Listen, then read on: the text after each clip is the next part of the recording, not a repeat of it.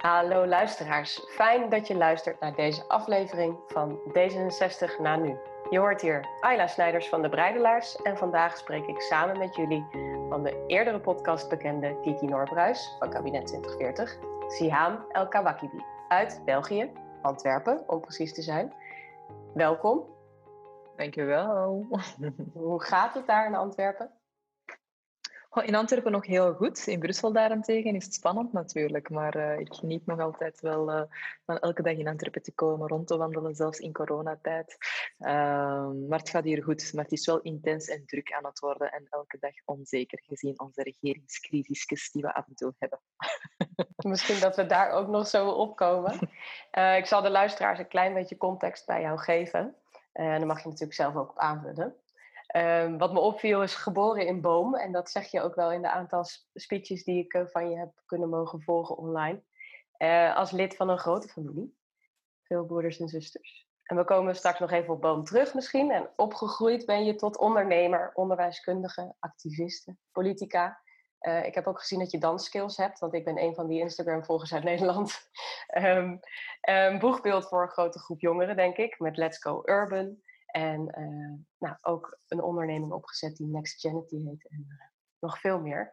Het waren stuk voor stuk redenen om je uit te nodigen, maar je huidige rol als parlementslid voor Open VLD in het Vlaams parlement maakte dat we al helemaal dachten. Nu hebben we een combinatie te pakken in één persoon uh, die we niet vaak tegenkomen en die ook nog eens all-in economy als een van de slogans heeft.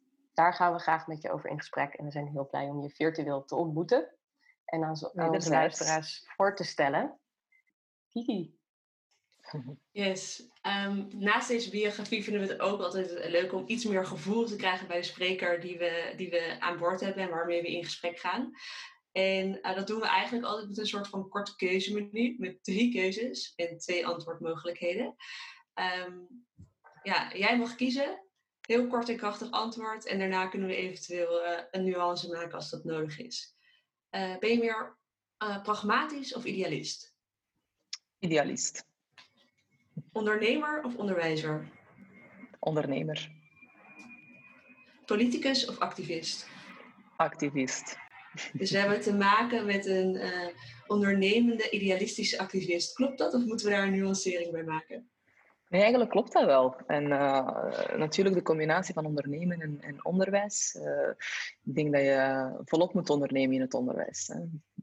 Buiten die muren moet gaan uh, om net het beste uit mensen te halen. Dus voor mij is dat ene versterkt het andere. Activist. Ik zeg altijd activisme met liefde. Ik vind dat je dingen op de agenda moet zetten. Soms bold, zodat het heel duidelijk is. de oplossingen maar uh, ik ben wel een strijdster. En strijders en strijdsters zijn denk ik idealisten. Ja.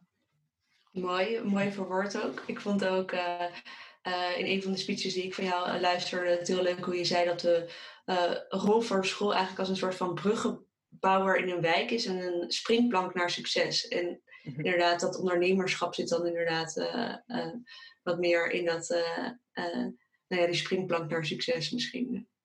Ja, ik it takes a village to raise a child. Ik geloof niet dat we in, op eilandjes uh, uh, vandaag kunnen opgroeien. We zijn zelf ook allemaal uh, opgegroeid met een aaneenschakeling van actoren.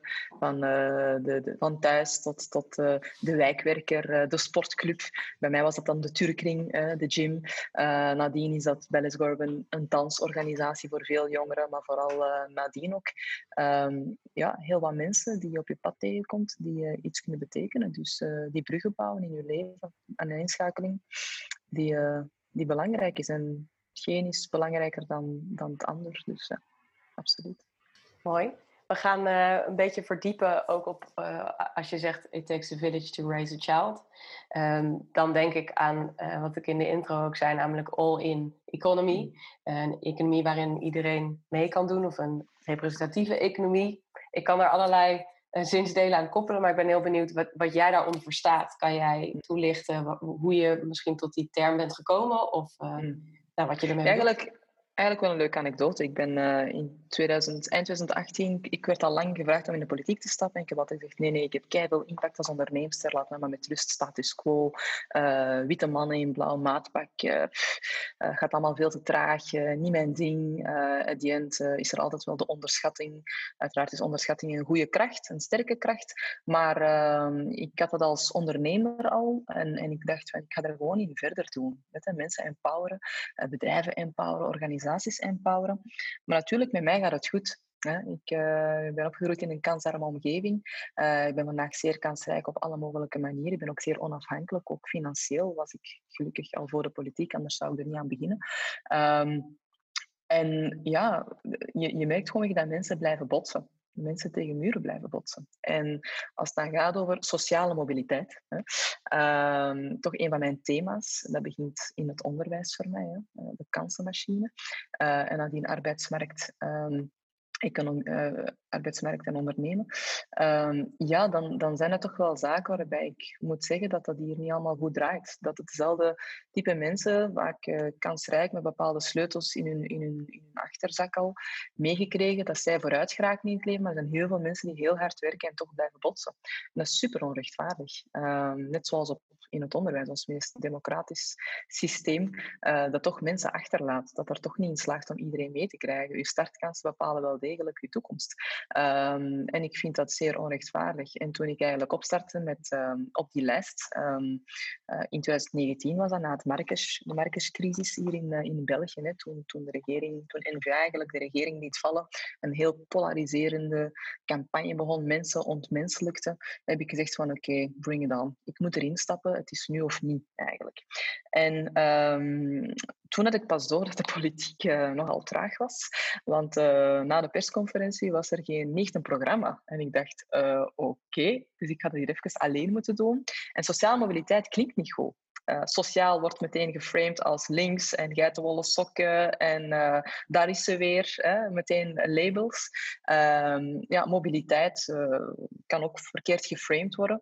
Dus zijn we op zoek gegaan naar een andere term, een we, een groep mensen die niks met politiek te maken hebben of niet in de politiek zitten. En zo kwamen we tot de all-in economy. Uiteraard een economie die ervoor zorgt in een maatschappij waar alle lagen van de maatschappij vooruit geraken. Het gaat nooit over mensen iets afnemen, het gaat, of privileges afnemen, het gaat erover dat ook anderen geprivilegeerd kunnen zijn. Daar hebben ze recht op.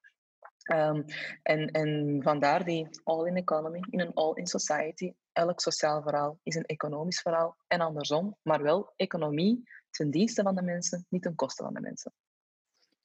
Mooi. En als je uh, onze luisteraars uh, zitten net in een ander land. Er zijn denk ik veel overeenkomsten, maar zeker ook verschillen. Um, ik herken de, de, de, de, de, ja, de noodzaak eigenlijk om uh, niet per se als het over een all-in economy gaat, het te hebben over sociaal of per se liberaal, of die, dat het in tegenstellingen belandt. Um, als je onze luisteraars iets mag schetsen of meegeven over hoe die problemen bij jullie eruit zien, um, uh, dan zijn die misschien hetzelfde of anders dan bij ons. Maar kan je daar iets meer over vertellen? Ons een beetje meenemen en waar lopen jonge Vlaamse uh, of uh, Belgische jongeren tegenaan. Mhm. Wat de all-inclusive economy moet op, op, uh, oplossen. Mm -hmm. Wel, ik denk, je brengt de term inclusive. Het komt inderdaad van de all-in economy, maar we zijn een, op veel vlakken exclusief.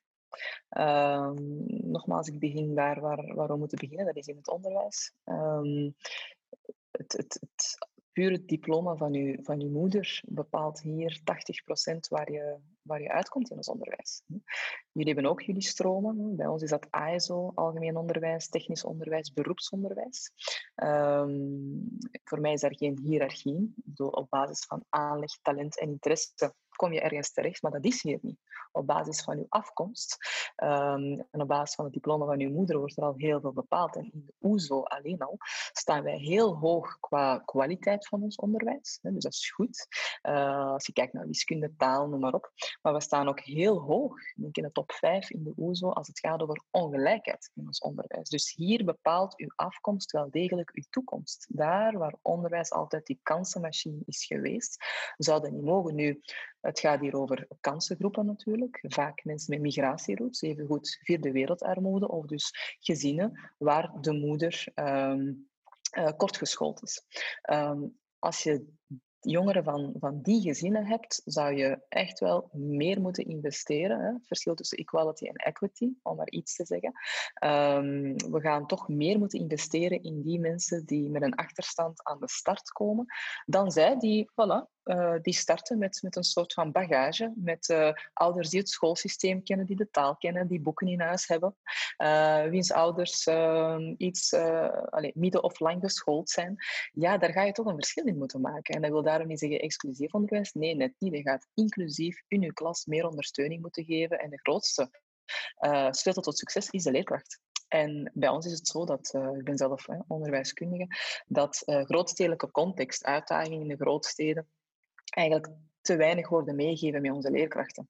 We zitten ook mee in vergrijzing, dus ook in ons onderwijs heb je heel wat mensen die wat ouder zijn, die uh, natuurlijk uh, in hun loopbaan zijn begonnen uh, in een periode waar er meer homogene groepen in de klas waren. Die worden op een, in een snel tempo geconfronteerd met grootstedelijke demografie, met digitalisering, met, een, met een red race die onze maatschappij is. Dus die mensen, het laatste waar zij aan denken, is zich bijscholen of wat dan ook in grootstedelijke context. Er is weinig aanbod in. Er is ook heel weinig diversiteit in ons onderwijs. Wij hebben maar 5% mensen met migratieroutes voor de klas.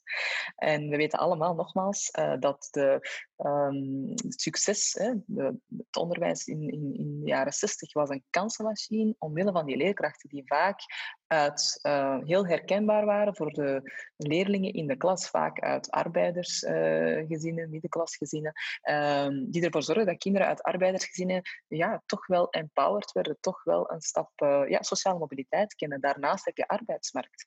Um, we zijn een land, in tegenstelling tot Nederland, waar de werkzaamheidsgraad, dus het aantal mensen dat aan het werk is, zeer laag ligt. Ik denk dat wij 10 of 12 procent minder mensen aan het werk hebben dan Nederland. Vandaar het begrotingstekort en bij jullie het begrotingsoverschot. uh, we hebben eigenlijk te weinig schouders die, die bijdragen.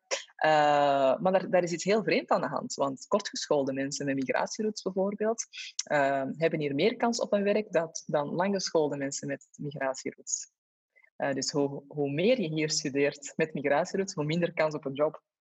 Dat is heel ja, die discrepantie, dat is crazy. En daar, daar, dat is het structurele, de structurele ongelijkheid. Uh, die is hier heel aanwezig uh, en die moet je heel snel aanpakken. Maar het zet zich ook voort bij vrouwen. Uh, in steden zoals Antwerpen en Brussel, twee op de drie vrouwen met migratieroutes werkt niet. Ja, dat is problematisch. In eerste instantie voor die vrouw, voor het gezin, want het is altijd universiteit van het leven. Het is wat het is, zelfs in een, in een, in een uh, samenleving waar we zeggen er is geen rollenpatroon meer, die is er wel en die is er in elke laag van onze maatschappij. En de vrouw blijft toch de universiteit van het leven, meestal de moeder voor de kinderen.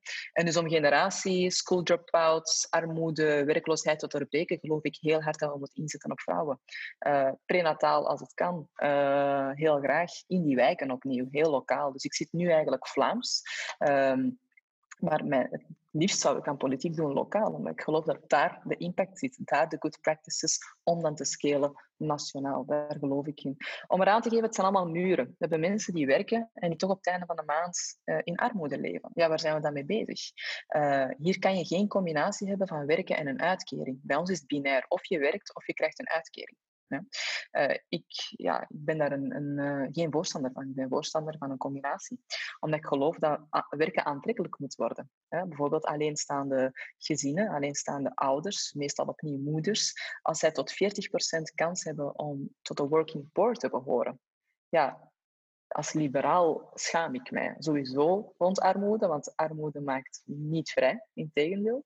Um, en dus vind ik het feit dat mensen aan, aan, aan de slag gaan, aan het werken zijn um, en op het einde van de maand nog steeds in armoede leven, dat, uh, dat kan ik niet geloven in een land met zoveel welvaart. Dat is voor mij uh, een onrechtvaardigheid die je gewoon niet meer kan aanvaarden. Um, en dat zijn een soort muren waar je tegenop botst. Dus het is sociaal en economisch, want hoe meer mensen aan het werk, uh, ja, natuurlijk, hoe, uh, hoe, hoe, hoe, minder lasten, hè, hoe minder lasten um, er, er, zullen moeten gedragen worden. En zo gaat de middenklasse ook meer rechtvaardigheid voelen, want ook zij voelen onrecht. Zij hebben zoiets van, ja, we betalen zoveel belastingen, we zijn best wel zwaar belast. Ondernemen en arbeid uh, wordt heel zwaar belast in België. Daar zijn we um, een beetje hetzelfde in, denk ik. Um, en daar moet je toch wel zeggen dat die groep mensen um, stijgt van belastingen, omdat ze zoiets hebben van, ja, maar wat krijgen we ervoor terug? Op zijn Belgisch. Uh, de regering uh, is niet eh, nog efficiënt, nog effectief. We hebben een begrotingstekort. We hebben zoveel mensen in armoede. Uh, dus status quo, waarom ehm, moeten wij... Allee, waarom zien we daar geen verschuiving? Ja, en dus veel werk. Ja, maar boeiend. En als je, ja, nou, en, het, en het, de, het, het lijkt zich dan ook uh, te verdubbelen of zo. Hè? Dus als je in het een niet investeert, dan heeft dat eigenlijk op twee plekken een negatief effect. Uh, ik ga mijn laatste vraag stellen voor deze probleemstellingsfase, zeg maar. En dan gaan we door naar uh, hopelijk de mooie toekomstdromen die er ook aan vastzitten. Als je ehm, heel kort moet zeggen van wat als het de komende jaren niet verandert. Hè? Dus als dit zo blijft. En dan in België is het dan nu ook nog even met een regering die niet altijd helemaal uh, tempo erin heeft. Als dit zo blijft, wat gaat er dan echt mis? Wat zien we dan over vijf jaar?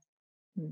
Ja, ik denk in eerste instantie, op dit moment is er een groot problematiek. Uh, mensen hebben het gevoel dat ze tweederangsburgers zijn in alle lagen van de maatschappij.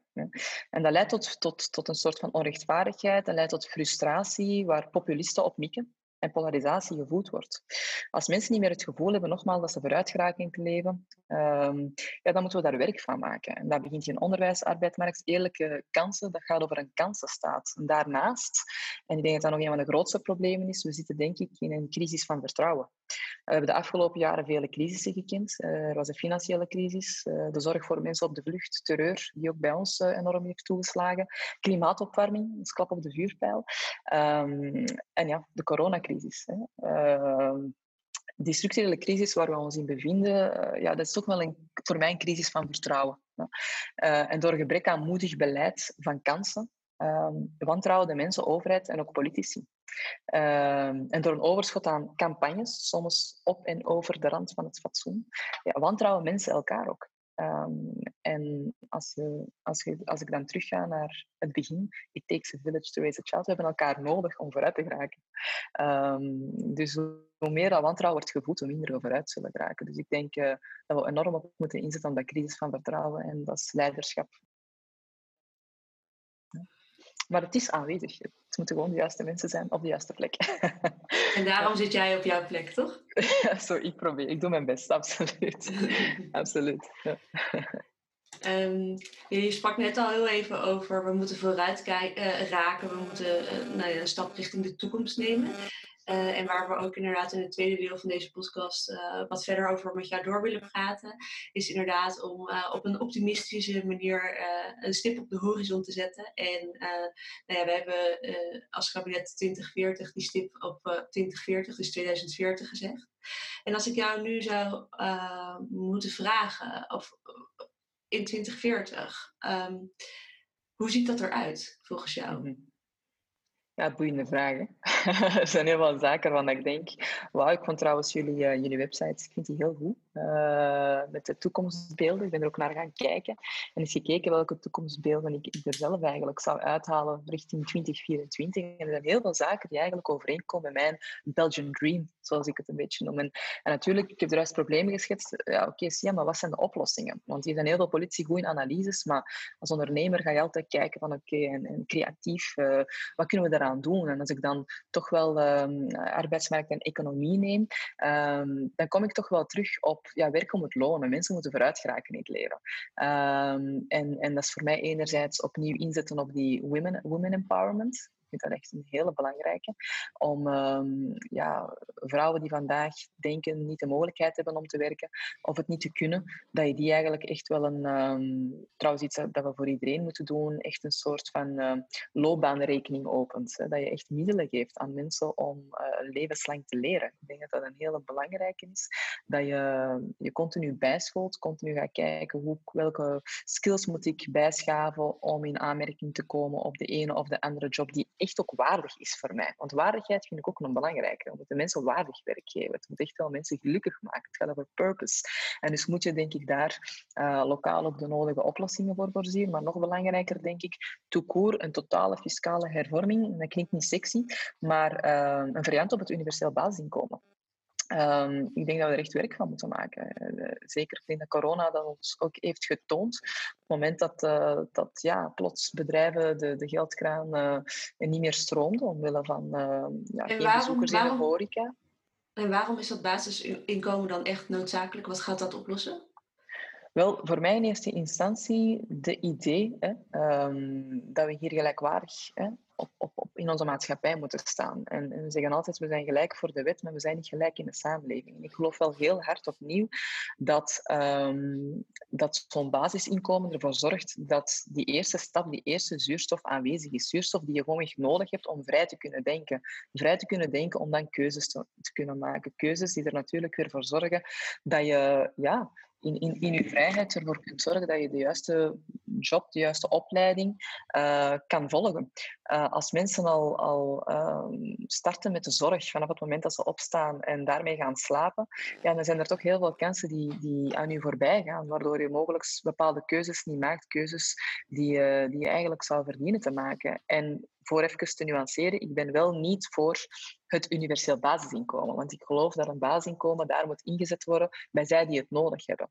Ik geloof niet dat uh, uh, mensen met een bepaald inkomen uh, nood hebben aan 1000 euro per maand. Ja. Dus ik vind dat je middelen wel efficiënt moet inzetten. En vandaar dat ik eigenlijk meer ga naar, ehm, ik noem het een opstaploon. Wat eigenlijk ja, een, een, een uh, oorspronkelijk idee is van uh, Milton Friedman. het negatief belastingsinkomen, waarbij je gewoonweg dat binair stelsel tussen werken en niet werken doorbreekt. Namelijk een uitkering en een loon moet mogelijk zijn. En, en je gaat gewoon als maatschappij kijken hoe kan je vanaf je 18 jaar, ik zeg maar iets, een basis krijgen.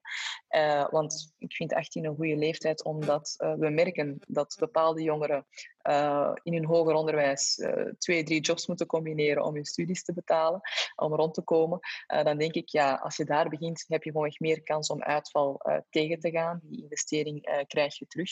Um, en nog een belangrijke is dat het niet op gezins basis is, maar op individuele basis. Zodat de vrouw en, en de man, of, of vrouw, vrouw, man, man, um, dat die echt hun eigen rekening hebben. Dat die hun eigen, dat het, dat het um, hen persoonlijk toekomt. Hè.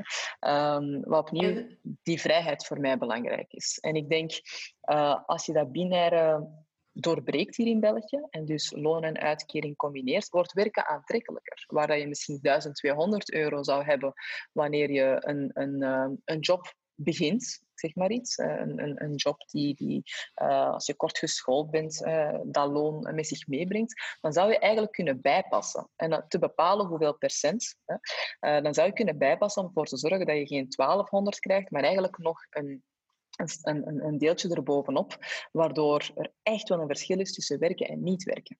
Ja, we moeten werken aantrekkelijk maken en dat heeft ook ja. een financiële component. Ja. en is dat opstaploon, is dat volgens jou is dat een droom of is het realistisch dat ze dat in 2040 gerealiseerd zouden hebben? Uh, als ik uh, aan zet ben, dan gaan we dat realiseren, sowieso. ik denk, uh, het, basisinkomen is echt wel iets dat in België nu echt besproken wordt. Het is ook wel echt een liberaal standpunt. Dus zowel de Franstalige liberalen als de Vlaamse liberalen zijn ermee bezig en zijn best wel voorstander van een basisinkomen. Ehm, en tegelijkertijd natuurlijk ook bij de progressieve kant, de Groenen onder andere, ehm, die zijn ook wel voorstander. En ik heb eens een keertje een, een opiniestuk gedropt rond het opstaploon.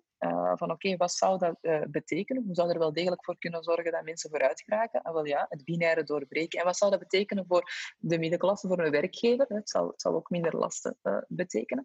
En ineens, het was een beetje om te testen, je kreeg ineens draagvlak langs bij ons linker en centrumrechtse kant. En dan dacht ik, verdorie, er is draagvlak eigenlijk. Hè. In de Twitter-bubbel dan nog, die normaal heel hard is, en rechts ziet mij echt niet graag, dat die plots stil waren en centrumrechts echt wel positief, uh, um, een positief onthaal had van dit idee. Dus ik denk dat het uh, sowieso noodzakelijk is om iets te gaan doen. Want um, hoe dat wij momenteel bezig zijn, um, dat is op. Hè? Uh, dus je moet echt wel um, ja, je moet echt wel gaan veranderen. En we moeten mensen aan het werk krijgen, want onze staatsschuld alleen al, die, die, die stijgt eind dit jaar naar 120 procent. Uh, dat betekent dat elk kind dat vandaag wordt geboren, bij ons een staatsschuld heeft van 42.000 euro. Dat is uh, een flink bedrag. Hey, even terug naar dat kind wat je net noemt. ja. Um, of tenminste, we hebben het nu inderdaad over wat moet er in het politieke uh, veld veranderen. We hebben het een beetje gehad over de samenleving. Maar wat kunnen wij als individu of zeg maar onze luisteraar, wat, wat kan, kan die eraan doen om inderdaad uh, te komen tot wat jij schetst, een, uh, een, gelijkwaardige positie, zowel in de wet als in de samenleving, zei je mm volgens mij net. Mm um, wat kan, kan elk individu hier zelf aan doen? Hm. Er zijn een paar zaken. Ik ga terug beginnen bij onderwijs. Het, eh, het kost uh, alleen maar tijd, geen geld. Het kost tijd om uh, in je eigen wijk um, mensen te ondersteunen. Als je merkt dat, dat bepaalde kinderen geen ondersteuning van thuis hebben, geef tijd. Um, geef bijles. Um, geef een schouderklop. Wees een mentor. Wees een buddy. Dat zijn heel kleine zaken die je kan doen, maar die, zijn, die maken echt een wereld van verschil. Die zorg ervoor dat datgene waar helaas wij vaak met beleid in falen, of waar systemen die te traag vooruit gaan in falen, die wij van onderuit kunnen opnemen. En nogmaals, waarom is dat goed voor het individu? Niet alleen is dat purpose en geeft dat u enorme, uh, geeft dat iets terug, hè, een soort van zingeving, maar tegelijkertijd, nogmaals, elk kind, elk persoon, elk talent dat vooruit geraakt in het leven, dat betekent, of dat we niet verliezen, betekent dat we ook geen collectieve welvaart verliezen. Dus als mensen denken aan hun portemonnee, het is belangrijk. Hè. Um, daarnaast um, is, het, is het opnieuw ook belangrijk om um, altijd recht te staan, altijd op te staan, altijd uw rug te richten bij onrecht. Um, op het moment dat we mensen gaan ontmenselijken, dat we mensen um, ja, gaan, labels gaan, gaan toe-eigenen als uh, migranten of uh, een stroom, criminelen, fietsdieven, dan uh, neem je een gezicht weg en, en, en je, je neemt ook een uitzicht weg. En perspectief hebben we allemaal nodig. Dus sta op, we zijn in een meerderheid die fatsoenlijk is. Het is een minderheid die ranzig is. En samen met die meerderheid moeten wij luider zijn. Vandaar ook dat ik een hashtag heb, heb gelanceerd, wees luider. Wees luider op sociale media wanneer je merkt dat mensen in hun taalgebruik, hè, want taal worden daden, uh, daden wordt geweld, in hun taalgebruik, um, bepaalde taalgebruiken die, die echt wel uh, negatief is, nogmaals, voor onze samenleving. En daarnaast, hoe moeilijk dat ook is, want dat is uh, het probleem aan de politiek, wees niet onverschillig. Um, adem in de nek van je volksvertegenwoordiger. Uh, doe dat, want volksvertegenwoordigers zijn mensen en die zijn echt wel uh, gevoelig voor het electoraat, voor het volk. Alleen uh, doordat iedereen hen met rust laat, uh, ja, belanden ze in een soort van status quo en, en, en, en, het, zal wel zijn. Nee, niet alleen in campagnetijd. Als je iets ziet, als je iets merkt in je maatschappij, bijvoorbeeld met coronacrisis, en het moet beter, ja, spreek uw volksvertegenwoordiger aan. Onverschilligheid is volgens mij vandaag een gevaar voor de democratie. Uh, je ziet de leiders overal, Trumpiaans, fake news, het gebeurt allemaal. Um, en ik vrees dat onverschilligheid daar deel uh, van het probleem is geweest. En nogmaals, verantwoordelijkheid van de politiek, maar als het gaat over awareness naar bevolking, is dat toch iets wat ik heel hard in investeer op mezelf, is die onverschilligheid een beetje doorbreken. Mensen voelen iets koud of warm bij mij, maar ik vind beide goed. Liever warm, maar als ze ook iets koud voelen, dat vind ik ook ook al goed. Uh, het feit dat ik ook heel veel haatberichten uh, krijg, dat is één ding, maar ik krijg ook heel veel uh, mails, mensen die de moeite doen, ook al eh, noemen ze mij soms racist of wat dan ook. Hè. Ehm, merk ik wel in hun mail een soort van openheid tot dialoog. En ik zal die mail ook beantwoorden. Ik vind dat wel belangrijk. Uh, dus eigenlijk zeg je, zoek, zoek contact en ga het gesprek aan. En zeker op absoluut. het moment dat je onrechtvaardigheid of ongelijkheid ziet, dan wees luider. Ja. Dat is eigenlijk absoluut. de oproep die jij hebt aan, aan het individu. Om het even kort proberen ja. samen te vatten. Absoluut. Ik denk dat het initiatief bij jezelf zit. En uh, geloof gewoon dat... Uh, blijf geloven ook. Hè. Ik zeg altijd, hope beats fear. Dat is echt zo. En, en daar moeten we ook in blijven geloven. En uh, ja, de gelijke opzoeken. Niet stil zijn. Ja. En dan hebben we in 2040 een bottom-up all-economy gerealiseerd. Zalig. Ja, absoluut. en in 2040 is de samenstelling van beslissers de samenstelling van de burgers. Ja, inclusief. Moet. Die status quo moeten we doorbreken. Dat is de enige manier om vooruit te geraken. Je kan het niet meer maken vandaag dat de beslissers die de toekomst van ons allemaal en van de nieuwe generaties um, ja, beslissen dat dat mensen zijn die, uh, die heel homogeen zijn en die totaal geen voeling hebben met. En ik geloof niet dat je ze allemaal moet vervangen, maar uh, de status quo doorbreken door samen te werken met de status quo. Dus we need to shake it up. Daar komt het wel op neer. Ja. En welke toekomst in de campagne? sorry, ik onderbrak jou, Kiki. Ik heb nee, nog een vraag gedaan. Ja, ik had nog één afsluitende vraag. Uh, welke, welke toekomstgerichte uh, keuze ga jij deze week of deze maand maken die we in 2040 terug gaan zien? Wow. Ik, um, ik denk dat ik elke dag wel een soort van keuze maak uh, voor 2040. En dat is um, ja, lead by example. Ik denk dat, dat elke dag dat je impact kan hebben op iemand. Ik geloof dat, dat mensen mij gaan overstijgen. Echt waar. Ik, uh, ik geloof dat uh, projecten die mensen empoweren, maar ook mensen die, uh, die voor sommige mensen ook ergens een, een, voorbeeld zijn, dat die ervoor zorgen dat ja, de leerling wordt de meester, dat die jezelf gaan overstijgen. En dat zijn degenen die het in 2040 zullen doen. Dat ben ik niet meer. Um, ik bedoel, 20 ehm, jaar is, lang en ik geloof dat ik mijn best moet doen om in 2040 te kunnen zeggen, oké, next, up to you en je gaat dat zoveel beter doen dan mij. Uh, wij gaan het pad effenen, maar het, zullen zij zijn die het gaan kunnen binnenkoppen. Daar ben ik wel zeker van. Ja. Um, maar om nu echt te zeggen, disruptieve beslissingen.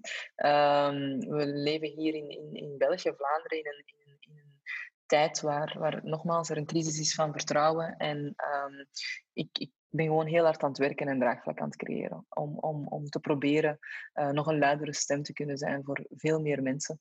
Um, voor alle Vlamingen, alle Belgen. Om hopelijk op een bepaald moment wel in een andere positie te komen waar ik echt, echt zelf beslissingen kan maken. En niet altijd um, op reactief uh, moet gaan uh, werken, maar proactief. Want dat is wel wie ik ben. Ik denk dat je vandaag uh, twee fans hebt geworven daarvoor. Uh, hey. Voor deze beweging. Ik spreek gewoon voor Kiki in dit geval. Ze mag zelf. Oh, dat wordt geknikt, gelukkig. um, uh, ik krijg helemaal. Het, het, lijkt me heel, heel mooi om je. nou, dit was de eerste keer eigenlijk in D66-context voor jou, maar dat lijkt me zeker niet de laatste keer. Ik denk dat je een geluid brengt in België, wat we in Nederland en kunnen herkennen dat het nodig is. En ook nu in onze eigen recent verkozen partijleider ook uh, terugzien. Nieuw leiderschap. Uh, sommige dingen die, uh, die, jullie zeggen in jullie teksten komen zelfs overeen. Dus mm. deze staat de uitnodiging ehm, om de komende maanden nog eens op visite te komen. En dan hopen dat het lukt. Want voorlopig nog even in corona. Um, Top. Ik heb nog een laatste kleine afsluitende vraag. Want dat vind ik eigenlijk altijd wel even leuk om te horen als er veel energie in gesprek is geweest. Uh, namelijk, waar heb jij de komende tijd zelf zin in om, om op te gaan pakken? En dat mag ook iets, iets kleins zijn. Goh, um, ik denk, uh, ik heb eigenlijk heel, heel hard zin om keihard te werken. Echt waar. De zomer is voorbij. En uh, ik wil knallen. En uh, ik wil hard werken, maar niet hard worden. zoals ik vaak zeg. Um, en er is zoveel werk en uh, ik kan niet wachten. Ik ben eager. Ik wil gewoon vooruit. En uh, voilà. Yeah. Mooi. Dan gaan we je daar weer tegenkomen. activistische idealist. voilà. Ja, exactly. Precies. Ja. Dan gaan we afsluiten. Um, bedankt dat je hier eh, was. Uh, Heel dat graag je hier bent. Heel fijn. leuk, dat je er nog leuk veel gaat zijn. Fijn, dankjewel. Ja. En uh, voor de luisteraars, uh, nou, jullie mogen uh, laten weten wat jullie van deze podcast ook weer vonden en de andere gepubliceerde. En we nemen nog nieuwe op, dus laat je ook horen over welke sprekers je graag nog aan tafel hoort bij ons.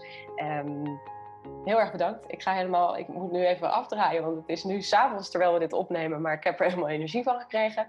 Dank jullie wel allebei en tot ziens. Merci.